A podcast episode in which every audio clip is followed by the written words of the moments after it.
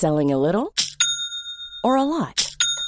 Shopify helps you do your thing however you cha-ching. Shopify is the global commerce platform that helps you sell at every stage of your business. From the launch your online shop stage to the first real life store stage, all the way to the did we just hit a million orders stage. Shopify is there to help you grow. Shopify helps you turn browsers into buyers with the internet's best converting checkout.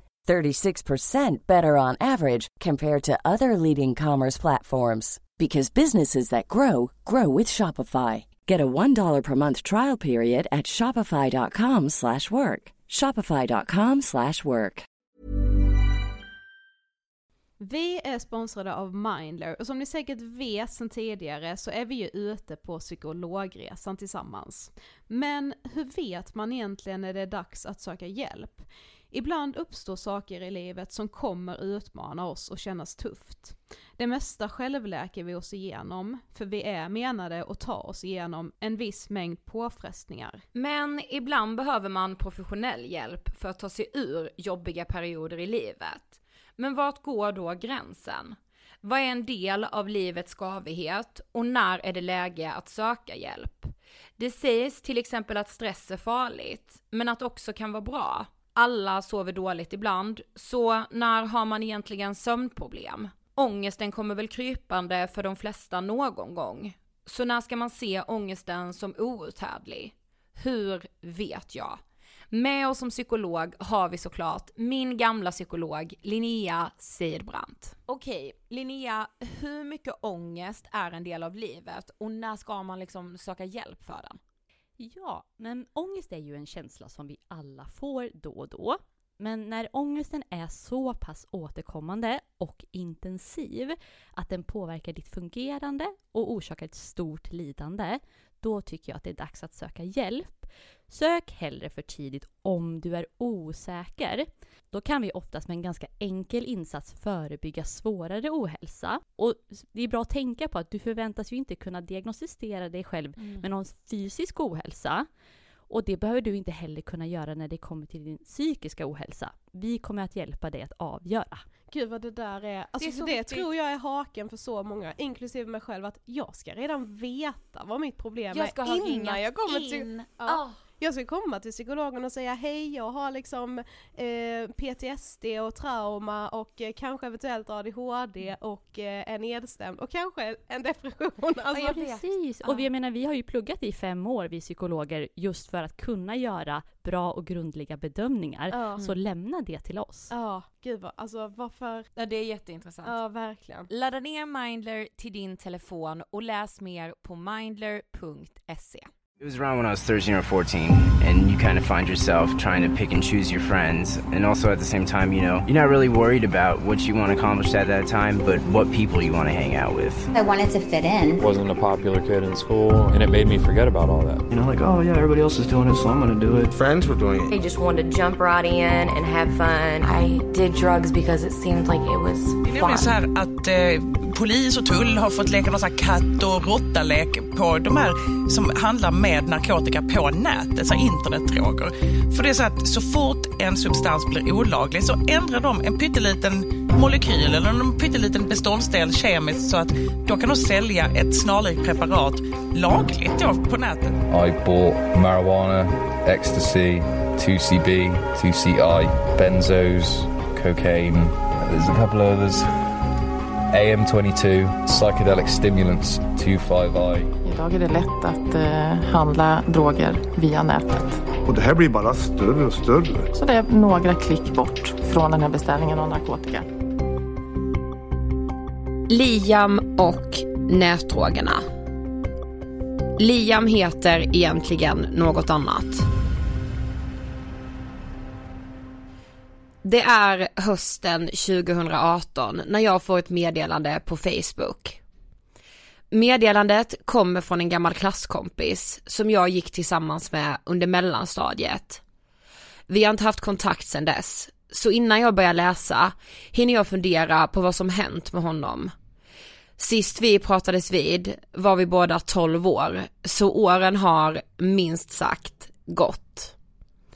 Han berättar att han sett att vi jobbar med en serie till Ångestpodden som handlar om droger. Han berättar om egna erfarenheter och skriver jag har ett tidigare missbruk av så kallade nätdroger, vilket i slutändan ledde till en ordentlig överdos med min mor som räddande ängel. Fyra dygn därefter blev det inläggning på slutenvård i totalt åtta dygn för att avgiftas från ett dagligt och grovt missbruk av flertalet substanstyper. Han skriver substanser som inte säger mig ett skit. Han skriver att läkaren han träffade beskrev hans symptom som så pass allvarliga att organkollaps följt av död var nära. Han avslutar med att han skrivit en hel boktrilogi för sig själv om missbrukartiden. Och att han kan skicka utdrag från dem till mig som jag kan läsa och kanske, om det är av intresse, göra något av i podden. Och så sitter jag där med flera A4-sidor framför mig skrivna av en gammal klasskompis som varit fast i ett grovt missbruk. Hur kan det hända? Inte bara han, utan så ofantligt många andra.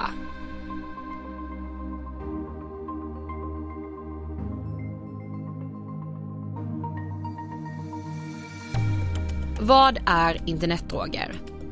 Jag har hört talas om Spice, men förstår i och med arbetet med serien om droger i Ångestpodden att det är långt mer omfattande. Nätdroger är syntetiska droger som är framtagna för att likna andra droger på ett eller annat sätt. Drogerna är i många fall inte narkotikaklassade i försäljningslandet men har effekter som liknar andra droger som är narkotikaklassade. Namnet verkar vara skapat av media genom att försäljningen av dessa droger oftast sker via näthandel. Hur vågar man stoppa i sig det här? Funderar jag vidare på. Man har ju ingen aning om vad det är. Vad är det som bultar och känns där inne? Vad är det som behöver dövas? Så länge som narkotikaklassning saknas förblir handeln laglig eller åtminstone belagd med betydligt mildare straff än vad som annars skulle vara fallet. Då exempelvis den svenska narkotikastrafflagen inte är tillämpbar. Avsaknaden av narkotikaklassning beror i allmänhet på att de aktiva substanserna inte tidigare använts som registrerade läkemedel i aktuellt land eller varit vanligt förekommande som missbruksdroger. Substanserna har därför inte genomgått en bedömning av effekt eller farlighet hos ansvariga myndigheter. Flera droger som uppmärksammats som nätdroger har efterhand narkotikaklassats i Sverige och andra länder. I flera fall har detta skett först en viss tid efter dödsfall har kunnat konstateras av missbruk av aktuell drog. I Sverige sker normalt först en klassning som hälsofarlig vara i enlighet med lagen om förbud mot vissa hälsofarliga varor, vilket kan ske snabbare än en fullständig narkotikaklassning. Syftet med denna inledande klassificering är att möjliggöra beslag. Narkotikaklassning av en substans leder ofta till att en annan substans med liknande effekt men ännu inte narkotikaklassad börjar säljas istället.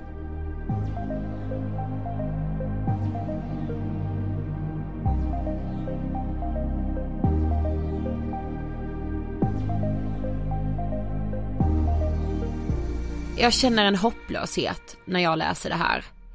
Som att samhället febrilt försöker släcka bränder, men att det hela tiden kommer nya som det inte går att förutse. I mejlet skriver Liam att jag är en av de första personerna som får tillgång till materialet. Han säger att jag såklart får använda det i podden, men han ser helst att jag inte skickar materialet vidare och jag skriver att det självklart stannar hos mig. Jag får följa Liams liv från april 2013 till december samma år. Min gamla klasskompis, som mitt senaste minne tillsammans med, återspeglar skolgården vi båda sprang runt på som barn. Nu ska jag läsa om hur han fastnar i missbruk i sitt pojkrum hemma hos sina föräldrar. Om hur hans vardag går ut på att få nästa rus. Om att injicera substanser med en tratt upp i rumpan. Liam är mån om att jag ska förstå så mycket som möjligt. Det är en hel vetenskap av förklaringar och formler. Det är droger som liknar allt ifrån amfetamin till kokain. Men han lägger vikt vid att det såklart endast liknar eftersom det ju är det typiska för nätdrogerna. Han berättar för mig om kontakter med andra via Flashback där det utbyts erfarenheter och tips. Jag klickar mig in. Först hittar jag tips om webbshoppar som säljer nätdroger. Det finns en uppsjö och någon tipsar om en ny som har allt. Jag fortsätter på Flashback, hittar en tråd med namnet Konstig reaktion av MPs X2. En användare skriver Cirka två dagar efter intag av 2 milligram Exanoren fick jag kraftig ångest, muskelkramper och hade stora problem att bete mig som en människa på arbetet, framför allt sociala aktiviteter. Jag tog vid ett flertal tillfällen och det blev samma reaktion varje gång påtaglig ångest som jag aldrig haft i den utsträckningen innan jag testade X2orna. Skulle kunna beskriva upplevelsen som att jag fick en lika kraftig negativ effekt av X2 två till tre dagar efter intag som jag fick positiv effekt dagen jag tog dem. Är det någon annan skit i dessa tabletterna tro? Någon annan svarar. Någon mer som har de X2 som får samma reaktion. Låter skitskumt men det kan ju vara något med batchen. Fan jag som skulle lägga en order. Diskussionen fortsätter sedan om huruvida det är bra grejer eller inte som erbjuds i de olika shopparna. Och det börjar kännas som om det inte är droger som diskuteras. Någon skriver att man aldrig kan vara säker på vilken skit man får. Och jag läser meningen flera gånger. Om man inte kan vara säker, hur kan det då kännas värt det? Är varenda användare där på Flashback beroende? Är de missbrukare som behöver vård omedelbart? Hur kan de diskutera droger som om det vore godissorter?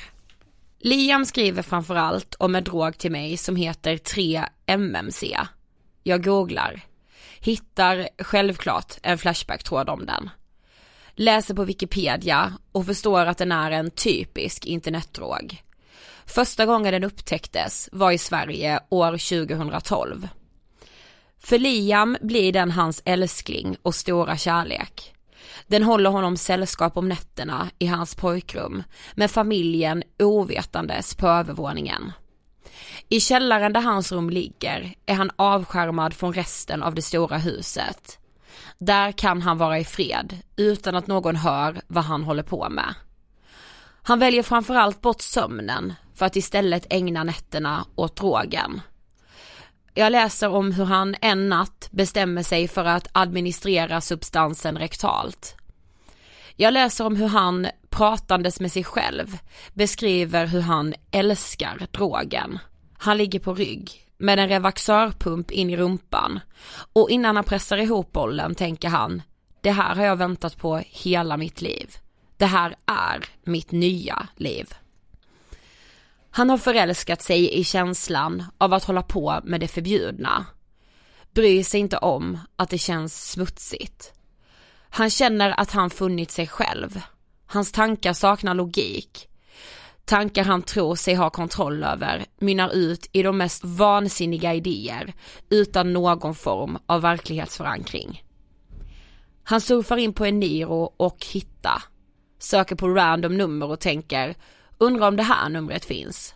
Han provar själv. Tar upp telefonen och slår random nummer. Han är tvungen att få reda på om numren finns eller inte. Inga signaler går fram.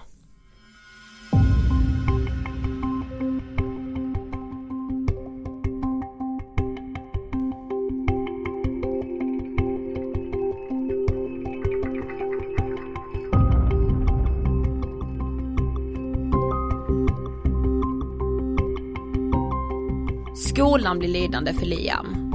Missbruket får allt mer plats och tar allt mer tid. När klasskompisarna frågar vart han tagit vägen säger han bara att han mår dåligt och därför är hemma. När han en kväll bestämmer sig för att gå till skolan dagen efter kan han inte sova. Tankarna snurrar. Jag har inte... Nej, jag... Jag är inte missbrukare. Eller okej okay då, bekänner han för sig själv. Jag har ett psykologiskt beroende, men jag är inte fysiskt beroende i alla fall. Det kan jag inte vara. Trams är vad det är. Fan, kan inte ligga här och må dåligt. Så han bestämmer sig för att gå upp och ta ännu en dos 3 MMC. Men det blir skola trots allt dagen efter, påverkad av droger. Tack Liam för att vi fick dela din berättelse. Och tack för att du har lyssnat på Ångestpoddens avsnitt Liam och nätdrogerna.